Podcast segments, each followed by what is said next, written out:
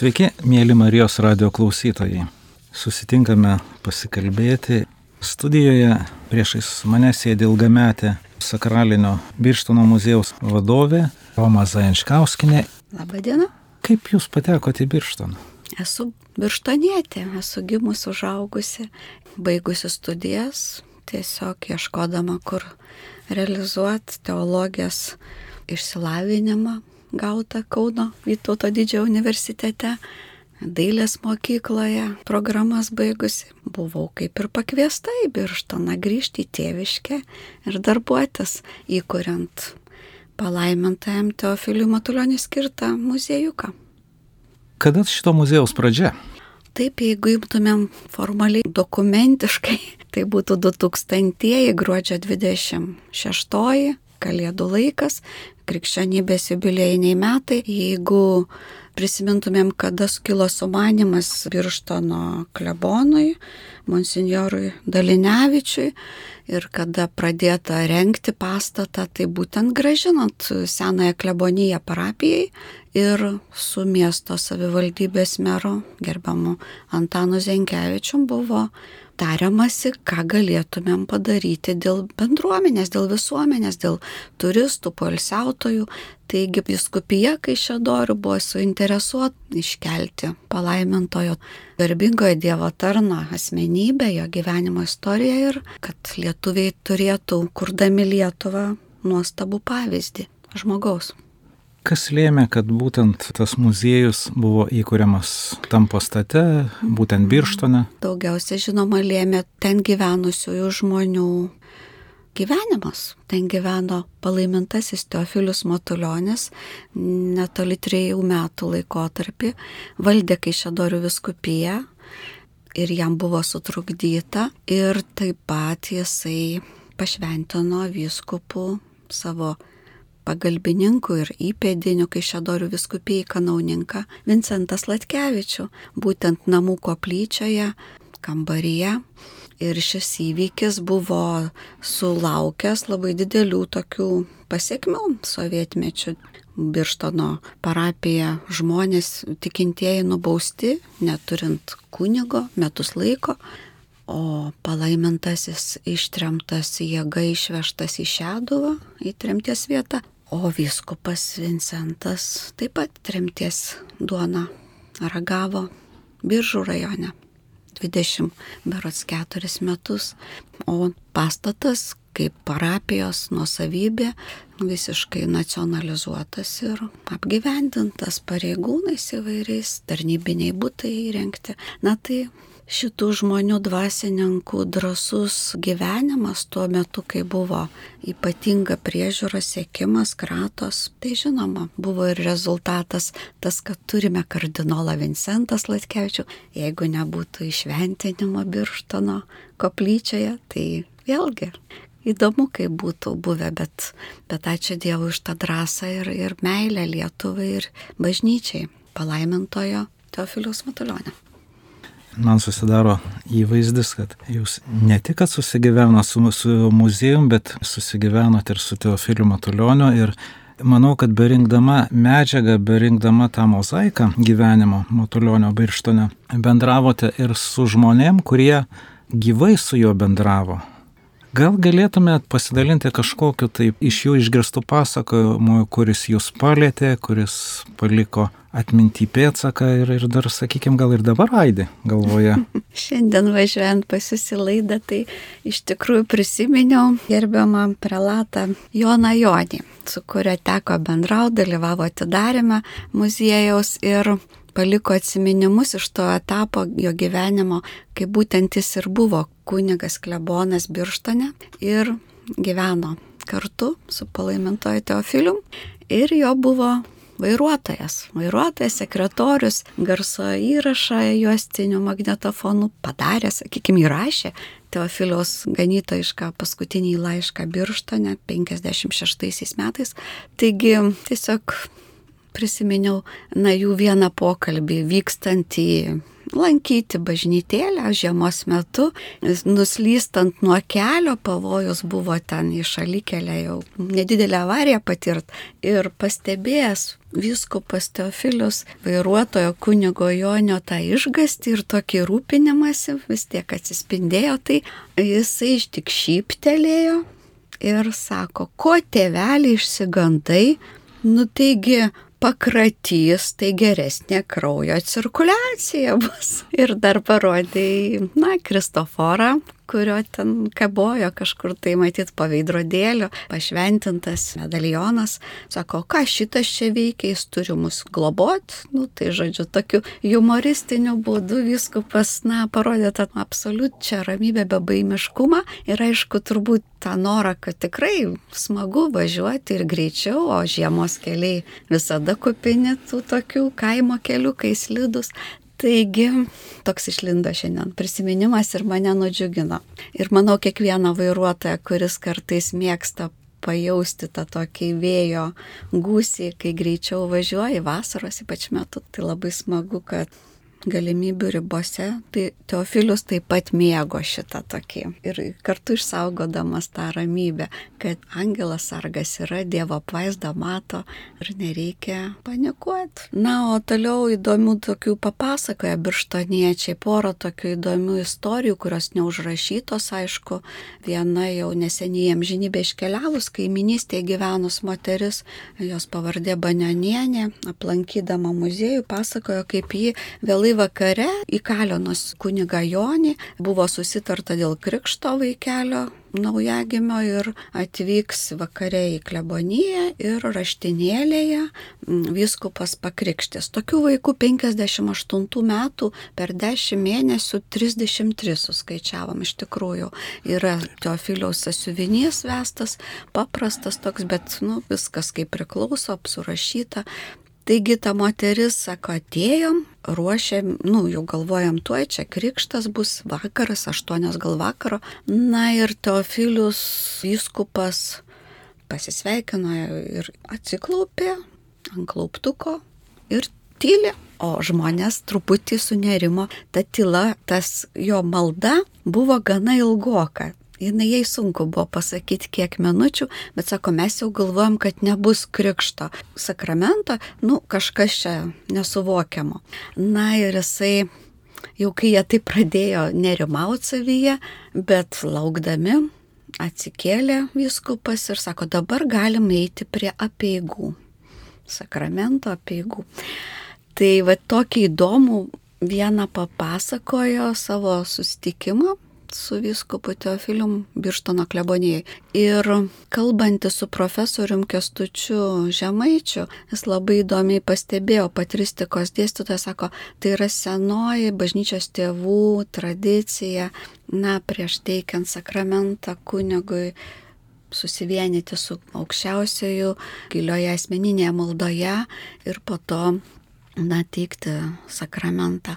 Taigi galim suprasti iš tokio vat, pasakojimo, kuris išliko žodiniai tokiai tradicijai žmonių, kad Teofilius Matuljonis iš ties gerbė tą senąją bažnyčios pirmųjų amžių tradiciją, sakykime.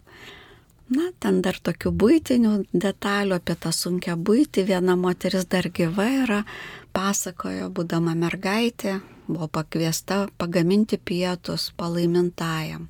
Seselė Angelė Misiūnaitė išvyk turėjo ir pakvietė ten 17 metę mergaitę, Onutę Valatkaitę, pagaminti pietus. Nu ir sako, pagaminti iš to, kas yra namuose. Maisto buvo nedaug ir buvo sumastyta blynų iškepti ekscelencijai.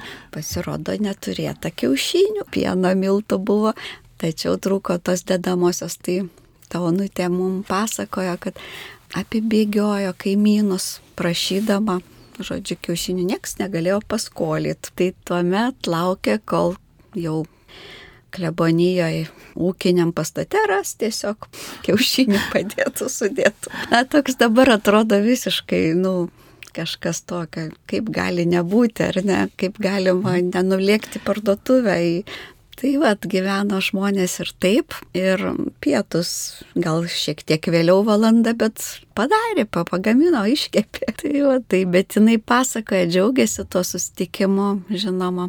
O tie, kurie pakrikštyti dabar po laiko perspektyvoje, va, kiek jau jiems metų, taip pat 60 ten, apie penkerius ar panašiai metus, taip pat džiugauja.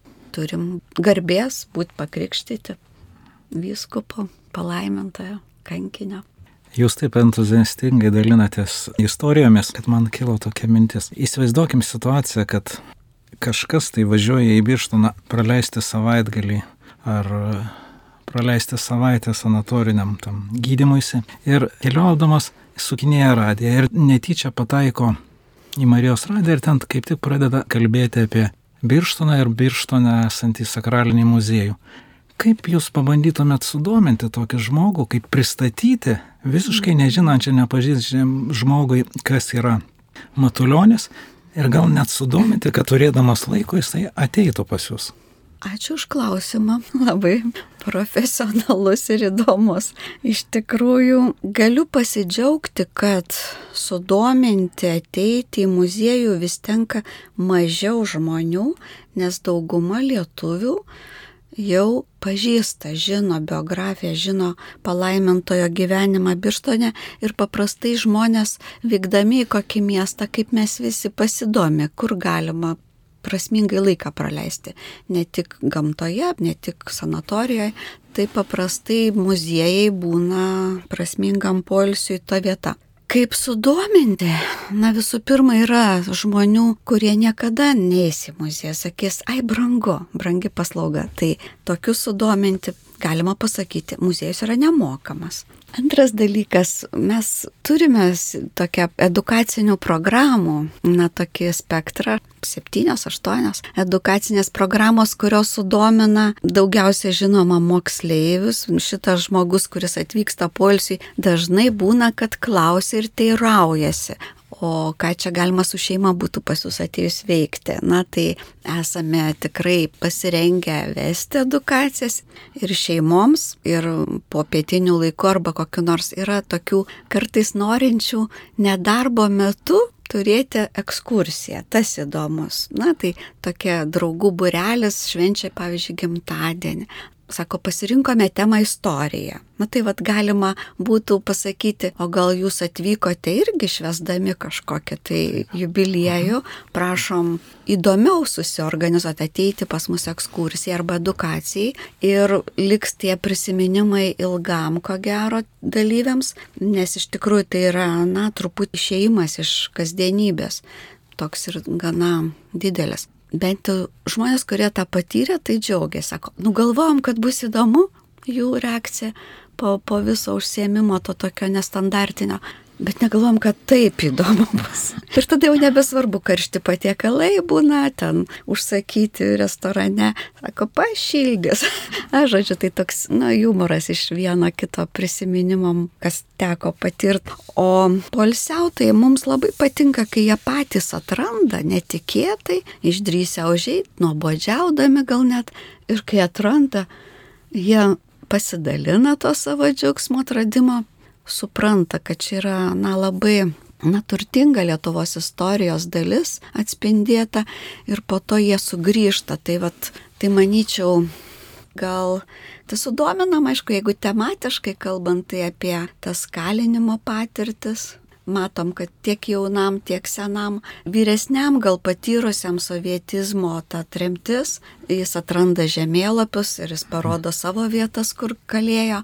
Jaunesni visiškai nesuvokia, kaip dėl tikėjimo, dėl išpažįstamos katalikybės, na, reikėjo tremti, įkalinti žmonės. Tai vad, manau, tas sovietizmo etapas, laikotarpis, nu, įdomus jaunai kartai, Ir sakyčiau, galbūt dar reikėtų, na, mes tą šiek tiek darome, bet su virtualiom projekcijom pastiprinti tą vietą įėjus, kad pasijustų žmogus, kaip jį sovietmečių žmonės turėjo bijoti, kaip jie gyveno ir panašiai tikėti, eiti bažnyčią arba kažkas neleidžia vyskupui aukoti mišių, na, tokie įdomumai, ar ne? Tai nežinau, kaip sudominti. Labai geras klausimas. Prie jo reiktų čia taip jau dar pagalvoti. Jūs taip pristatinėjot muziejų, o dabar kaip patį Teofilių Matulionį pristatytumėt? Kas jis? Na, kaip jums pasakyti, tiesiai, tai yra kankinys. 20 amžiaus kankinys už tikėjimą dėl Kristaus. Tai yra gynėjas bažnyčios tikinčiųjų, tai yra misionierius Rusijoje, tai yra Kaišėdorių viskupijos ganytojas, tai yra Mogiliovo arkiviskupijos viskopo padėjėjas, nominuotas 29 metais ir visą gyvenimą sielojasis dėl ten paliktų žmonių ir siekęs grįžti. Kas yra Teofilius? Na, kiekvienam turbūt tam tikri jo gyvenimo etapai bus galbūt kiti svarbus. Tai yra brangus žmogus Lietuvai suteikiantis pasididžiavimą pasaulyje, prieš pasaulio tikinčią, netikinčią visuomenę. Ir tai yra kiekvienam žmogui kaip pavyzdys. Ar ne? Tai paprastai galima pasakyti. Pavyzdys. Na, protingo, išmintingo, kaip aš dažnai ekskursijose sakau, maža kalbio, bet labai argumentuotai kalbančio žmogaus, jeigu tai yra komunikacija su žmonėmis. Toliau labai artimo meilę puoselėjusio, tą dariusio raginimais paties pavyzdžių, paties gyvenime, negailėjusio atiduoti tai, kas galbūt labai brangu pačiam artimui, kuriam tuo metu to reikia. Toliau tai yra gilios maldos, maldos užtarimu žmogus, kuris už visą Lietuvą meldėsi, už, už nepriklausomybės grįžimą į Lietuvą. Kai buvo tremtyje, kai buvo Mordovijoje, tai kasdien mišęs aukodamas 54-56 metai per tokį nuotolį vis tiek aukodamas savo kančią, na tai tikrai nedarantis didelį na, ir įspūdį ir mokantis pasiaukoti, tai pašaukimui ištikimo žmogaus kunigų tarnavo, dvasininko tarnavo 62 metus. Pašvestas 1900-aisiais. Iki mirties sekamas iš tų gyvenimo metų buvo 50 kokius septynerius metus nuolatiniam sekime policijos bylose tai yra paliūdita nuo Latvijos kunigavimo laikų, nuo 1909 kalintas ir teistas, na tai, tai yra neįtikęs to 20 amžiaus vadovybėms, valdžioms, tiek cariniai, tiek bolševikų, tiek komunistiniai, bet suvokiantis jisai puikiai suprato, kodėl jis neįtinka kodėl jis niekada nepatiks, nes jisai viešai drąsiai išpažįsta savo įsitikinimus ir vertybių sistema taip pat jo gyvenime, jo žodžiuose ir, ir darbuose buvo akivaizdi. Nežinau, daug ką galima kalbėti vien apie jį.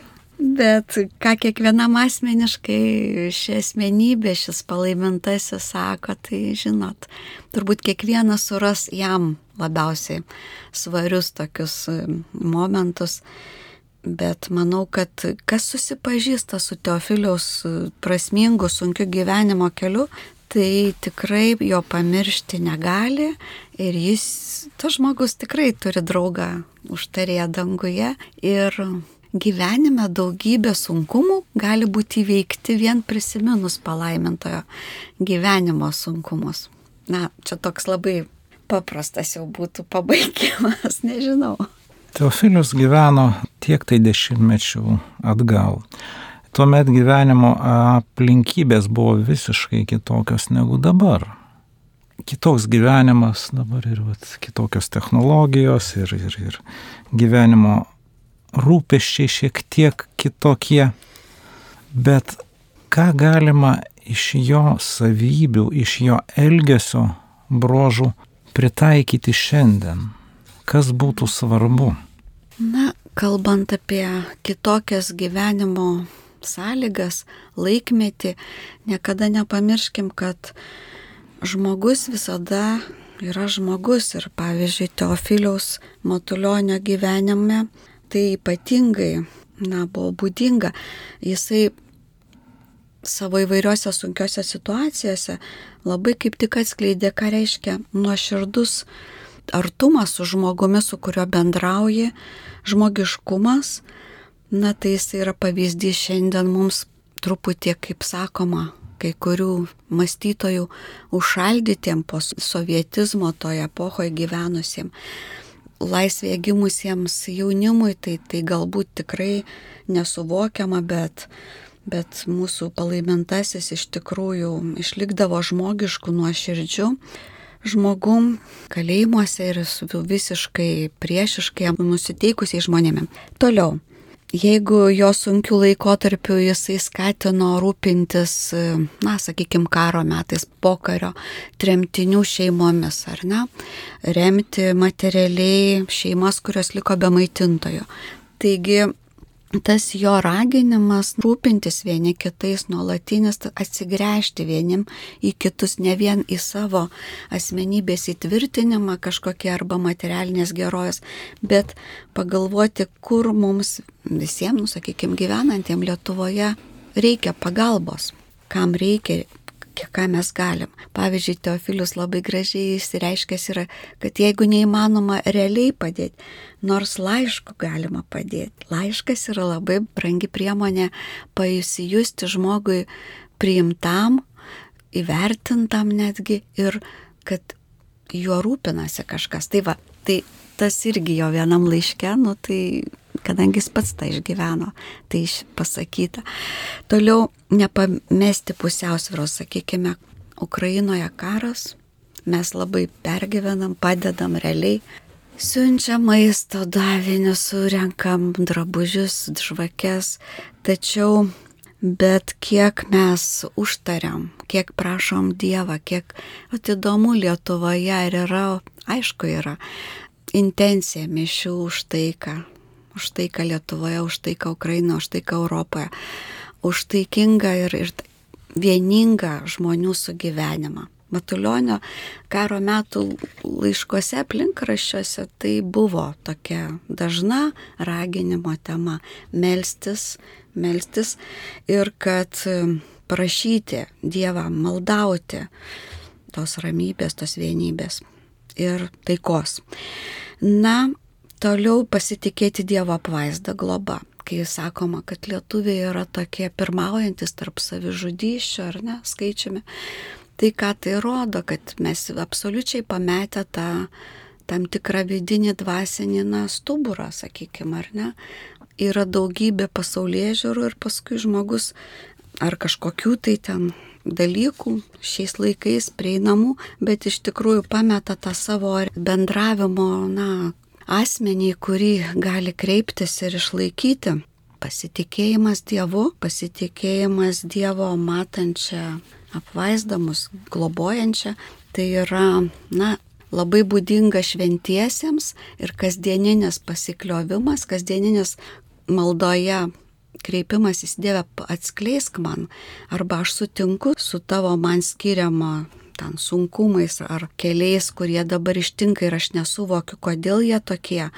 Na, tai tas derinimasis prie Dievo apvaizdos kasdienybėje, tai buvo Teofiliaus, ko gero, irgi vienas iš ramybės ir, ir na, pusiausviros šaltinių. Žinoma, dažnai jo išpažintis, atgailos sakramentas, kurį daugelis sakykime, pamėgę ignoruoti, taip švelniai tariant, taip pat prisideda prie neramybės, nuo ką Teofilius per savo gyvenimą parodė, kad tas yra svarbu ir tas jo humoras nelaisvės vietose arba sunkumuose parodo, kad jo vidinė ta darna dvasinė buvo tokia, kad, jis, kad jisai, na, buvo visiškai su Dievu aptaręs visus savo vidinius sąžinės klausimus, atsiprašęs ir tą darė dažnai. Tai manyčiau, šiem laikam tas labai taip pat būtų aktualu, žmonėm nebijoti eiti iš pažinties ir, ir tą suvokti kaip labai svarbę priemonę vidiniai ramybei, susitaikymui su Dievu ir kartu su žmonėmis, nes tik Dievas kitą kartą gali padėti įspręstas problemas per pašauktus tarnystėj kunigus, per jų tarnaujančią kunigystę, siekti to harmoningo gyvenimo. Taigi, dar kas labai man atrodytų, kad iš Teofiliaus laiškų, ganytojiškų, iškyla, kad jisai ragino šeimas, šeimų mamas nepalikti savo vaikų dvasiškai ugdant. Dažniausiai katekizacijose tenka pastebėti, kad labai daug, daug ko tikimas iš katechetų, iš, iš parapijos klebono, tikybos mokytojo dar mokykloje. Tačiau visiškai atrodo panašu, kad kai kurios, na, mamos, gal ir tėčiai žinoma, ne tik mamos, jie pamiršta, kad ta pareiga ugdyti vaiką nuo pradėjimo vos ne momento yra šeimos pareiga, pašaukimas. Ir vienas iš tokių labai svarbių, kad vaikai, kurie auga, būtų paruošti gyvenimui, prasmingam gyvenimui. Tai kiek tenka pažinti jaunų šeimų, klausiu, ar jūs melčiate su vaikais? Nes kiek žinome, iš Teofiliaus palaimintojo gyvenimo, tam kaime žmonės jį laikydavo pamaldžių šventų vaikų, nes matydavo su motina einančius į bažnyčią greičiausiai sekmadienį. Tai va toks yra paliudimas. Taigi dabar šiems laikams, manyčiau, vat, to labai irgi trūksta, kad galbūt mieste tas vyksta, o tokiuose mažesniuose miesteliuose, o kaimuose tas sekmadienio šventimas kuris yra, nu, tokia žmogaus tiesiog savaitės, darbo savaitės, na, kaip pati svarbiausia diena, truputį jau taip švelniai tariant, primiršta, pamiršta, apleista. Ir tai daugiau būna namams, ūkiui, bitėms apžiūrėti, žoliai nusipjauti, bet norėtųsi šitą, kad tauta atgimtų dvasiškai, kaip Teofilius rašė vienam laiške, kad liautųsi girto klysti ir, sakykime, kitos priklausomybės, kad lietuviams būdingas keistus gyvenimas vėl būtų susigražintas po visų okupacinių laikotarpių. Labai reikėtų šito - sugražinti maldą į šeimą, maldą į širdį žmogaus kiekvieno ir tada būtų šviesiau, ko gero. Malda nepaprastai reikalinga visiems mums taip kaip kvepuoti. Mes nepamirštame, kad gyventume, tai lygiai taip pat ir malda. Tam, kad gyventume, į tų Į turi būti, kaip apaštalas Paulius sakė, nuolatos melskitės. Kaip nuolatos kvepuojame, taip nuolatos ir reikalinga malda. Jūs pažymėjote, kalbėdama apie Teofilių kankinystę. Kiek jo ta kankinystė, elgesys, laikysena svarbi šiandien? kankinystė. Tai yra, kankiniai yra iš tiesų bažnyčios didžiausias turtas greičiausiai, nes parodyti tokią meilę kaip viešpats parodė. Mirti, nebijoti mirties, suvokti, kad kankinys, vat, būtent Teofilius tą suvokė. Tai yra didelis turtas. Ir tai svarbu šiandien, kadangi tikinti žmonės iš tikrųjų pasaulyje kenčia, daug kančios yra ir daug e, persekiojimo. Ir, ir 20-am amžiui vienas Amerikos istorikas knygoje rašo didesni skaičiai negu per tris pirmosius krikščionybės amžius. Tai jeigu pagalvosim kokiose valstybėse, tai ir Sirija, ir Libanas, ir Šiaurės Koreja, ir, ir daugybė tų šalių, ir tame tarpe ir Lietuva taip pat buvo 20 amžiai. Ką kankinystė parodo, kaip svarbu turėti pasitikėjimą, nenoriu kartotis, bet kaip svarbu išlaikyti valią, savo valią tvirtą ir neišsižadėti savo įsitikinimų, neišsižadėti vertybių. Ir tuomet tie kankintojai, persekiotojai, tie, kurie, na, sakykime, kankinti jiem yra na, kaip desertas ar ne, yra tokių, net žmonių kasdienybei sutinkame su, pradeda nuo tokių žnaibimusi, tokių mažų žodelių, bet ir šiais laikais tikintiesiam nu, šiek tiek kankinystės tenka išgyventi. Na tai drąsiai, tvirtai turim palaimintojo kankinio pavyzdžiai ir tiesiog gyvenime nieko nebijodami, netgi dar drąsiau išpažinti save tikinčiais, mylinčiais, turinčiais viltį.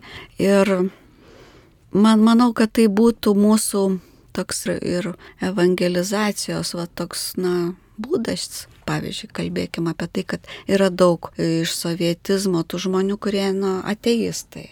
Ir jie tikrai kartais išsiveržia iš jų šitas. Net kartais paprastos pagarbos neišlaiko.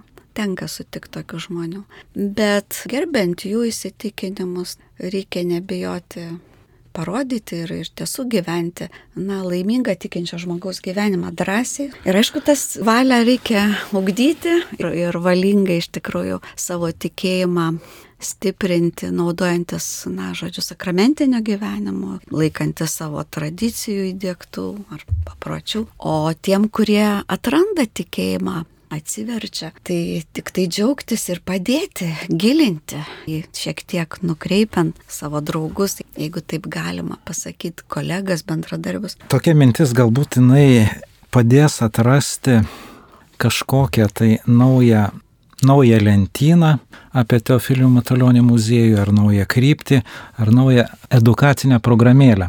Teofilius buvo dėl savo pažiūrų, dėl savo mąstymo tremiamas, išstumiamas iš visuomenės gyvenimo, išstumiamas į paraštės, negalėdavo užimti pareigų, negalėdavo dirbti. Ir todėl, kad jisai buvo tikintis ir stovėjo už tikėjimą.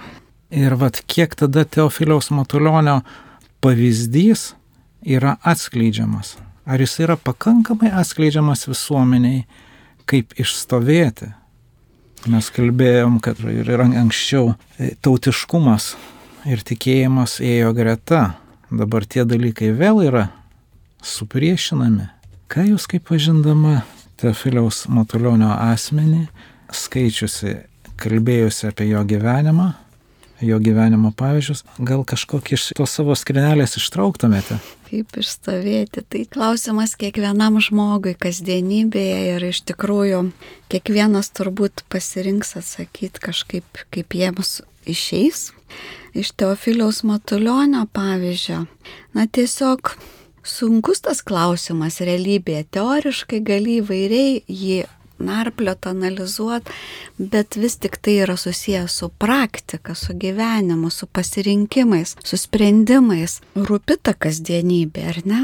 Ir kiek teofilius atskleidžiamas ar pakankamai atskleidžiamas. Aš manyčiau, kad jeigu kalbėtumėm apie virtualią erdvę, kuri yra prieinama kiekvienam iš savo namų, labai patogu iš kiekvieno išmaniojo įrenginio telefono. Teofilius atskleistas yra tikrai na, tai plačiai per svetainę, sakykime, tai paprastai. Žmogus, kuris nori pasidomėti ir, na, suprasti tą laikmetį, tos pasirinkimus palaimintojo svetainės Teofilius, Teofiliaus kelias, Bernardinai, taip pat vat, sakralinio muziejaus. Na, kiekviena truputį kitaip, bet pavyzdžiui, tos dvi pirmosios minėtos tai labai pilnai atskleistų kankinystės pasirinkimų kelią ir per vaizdus daugiausia, ar ne per nuotraukas, fotografines dokumentus. Žmogui kiekvienam permastyti savo gyvenimo pasirinkimus, sprendimus, galvojant apie palaimintojo gyvenimo sprendimus, pasirinkimus, kaip išlikti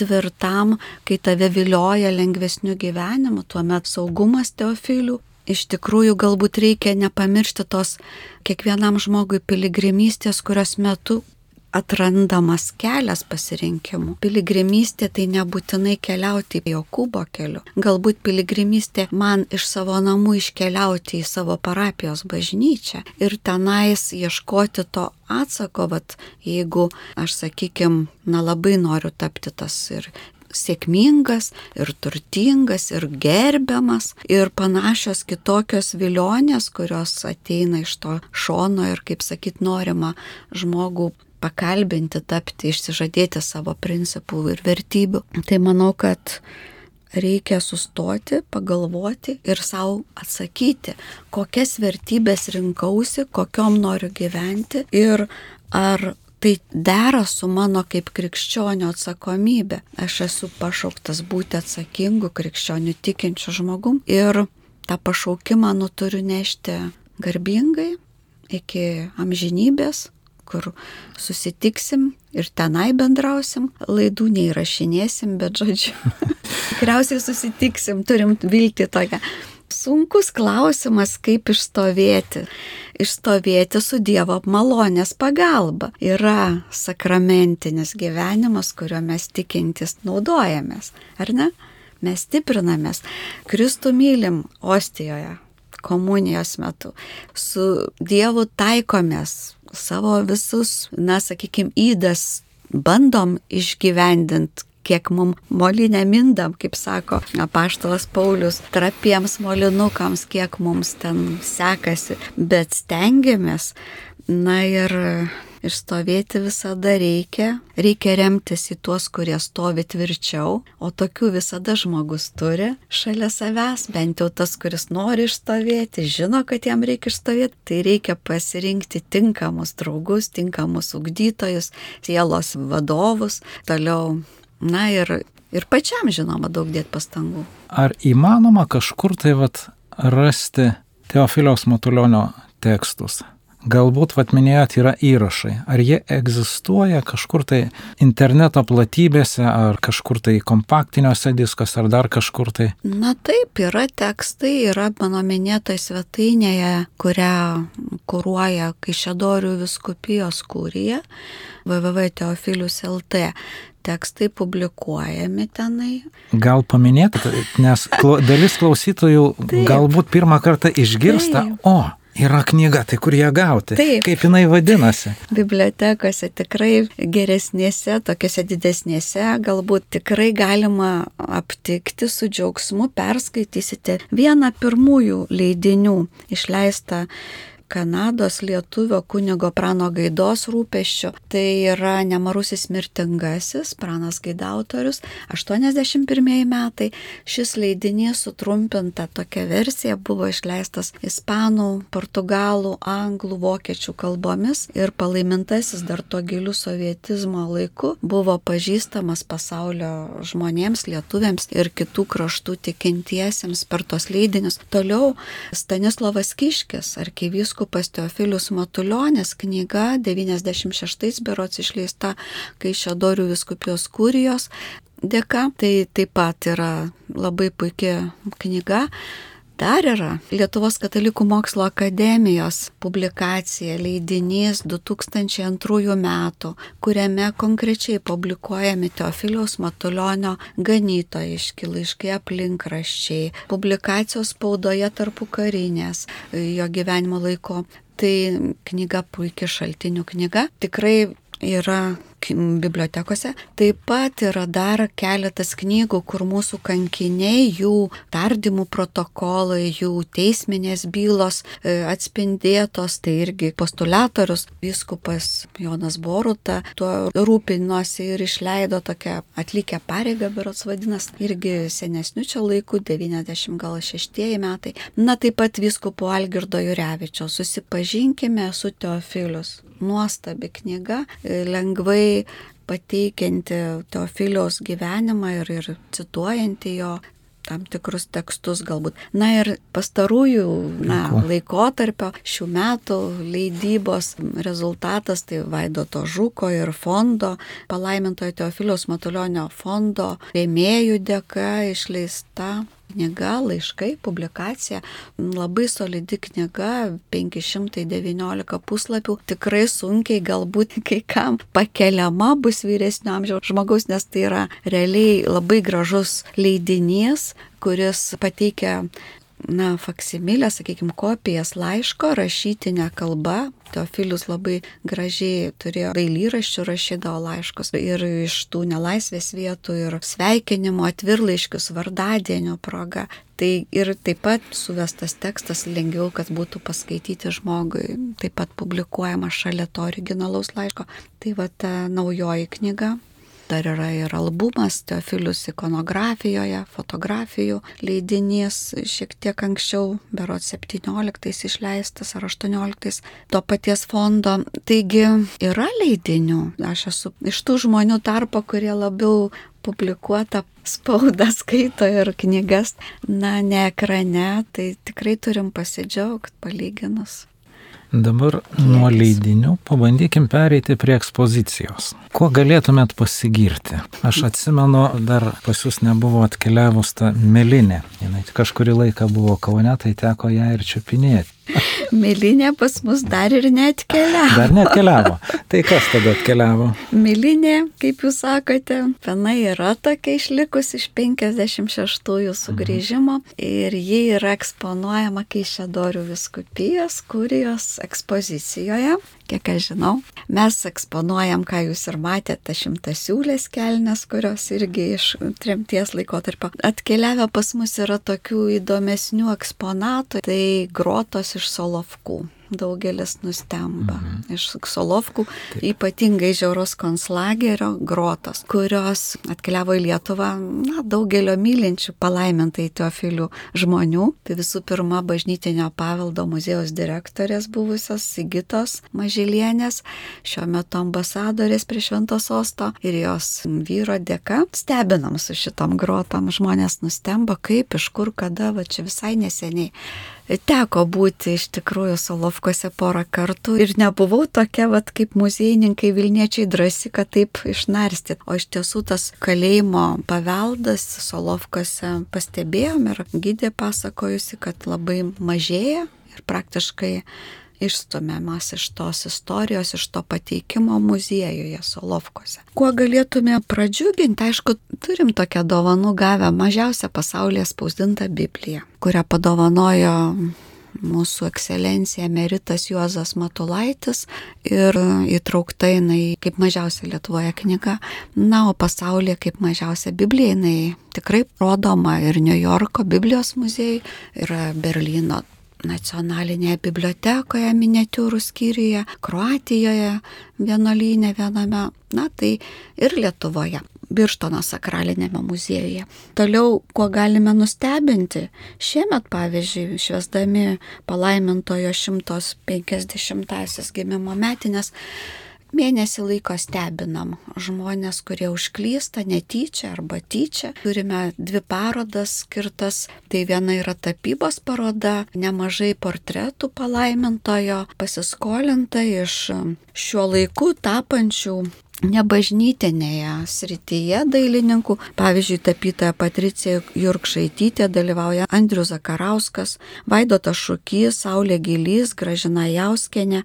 Na, fotografas Visvaldas Morkevičius, pedagogė Dovilė Sabaliauskenė, keramikė Vilija Kinderavičiūtė ir amžinybė iškeliavę jau Ciplijauskas žinomas tapytojas, portretistas Marija Osuchovska Marcinelė.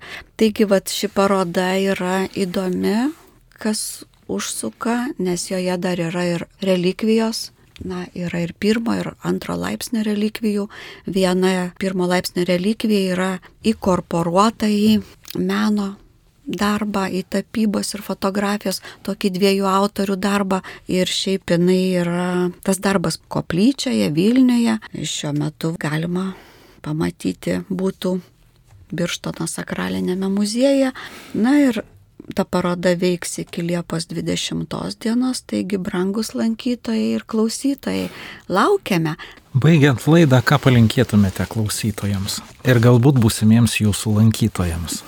Norėčiau palinkėti iš tikrųjų, išdrysti leistis į piligrimystę, pažinti Dievą per asmenį, per Teofiliaus asmenį, per kardinolo Vincentaus asmenį, kitų Lietuvos palaimintųjų ir nepaskelbtų, kaip Teofilius Matulionis sakydavo, gerbti jų atminimą ir, ir mokytis iš jų, neišduoti savo įsitikinimų, prašyti malonės, išlikti ištikimiems savo krikščioniškom vertybėm, gyvenimo pasirinktam keliui, moraliniam gyvenimui, sakykim taip, ko labai Teofilius geidė, norėjo išlaikyti blaivumą, skaistybę. Tai tokios vertybės, kurios lietuvius iškelia kaip tautą, kaip žmonės gerbtinus visame pasaulyje. Ir, na, gilaus tikėjimo malonės iš tikrųjų linkėčiau visiems mūsų brangiems tautiečiams. Dažniau kartoti, kaip Teofilius palaimintasis, bukvalė tavo, jisai aukštaičiavo, tai taip įdomi. Ir dažniau sakyti Dievui, aš dėkoju tau Dieve, kad galiu šiandien ir pakentėti dėl Kristaus, dėl įsitikinimų, kad man skirta šita, kaip Jėzus, taurė kančios. Bet jeigu skyriai, tu man padėsi ją nešti. Manau, va to labai norėčiau palinkėti kiekvienam žmogui Ir žinoma, atvykit, pasikalbėsim, papasakosim, ką mokam, ką žinom, ką suradom, kas mums labai brangu. Melskimės vieni už kitus, kad, kad mes vieni kitus stiprintumėm, kad vieni su kitais būtumėm kaip, kaip prieteliai, toks labai gražus žodis, kaip šeima, krikščioniška šeima lietuviai vieni kitiem būtumėm na, vieninga žmonių tauta, Ačiū Jums, ačiū taip pat ir Jums, mėly klausytojai. Su Jumis buvo Birštono sakralinio muziejaus vadovė Roma Zajančkauskinė ir ją kalbino aš, Mindaugas Advilonis. Su Dievu. Su Dievu.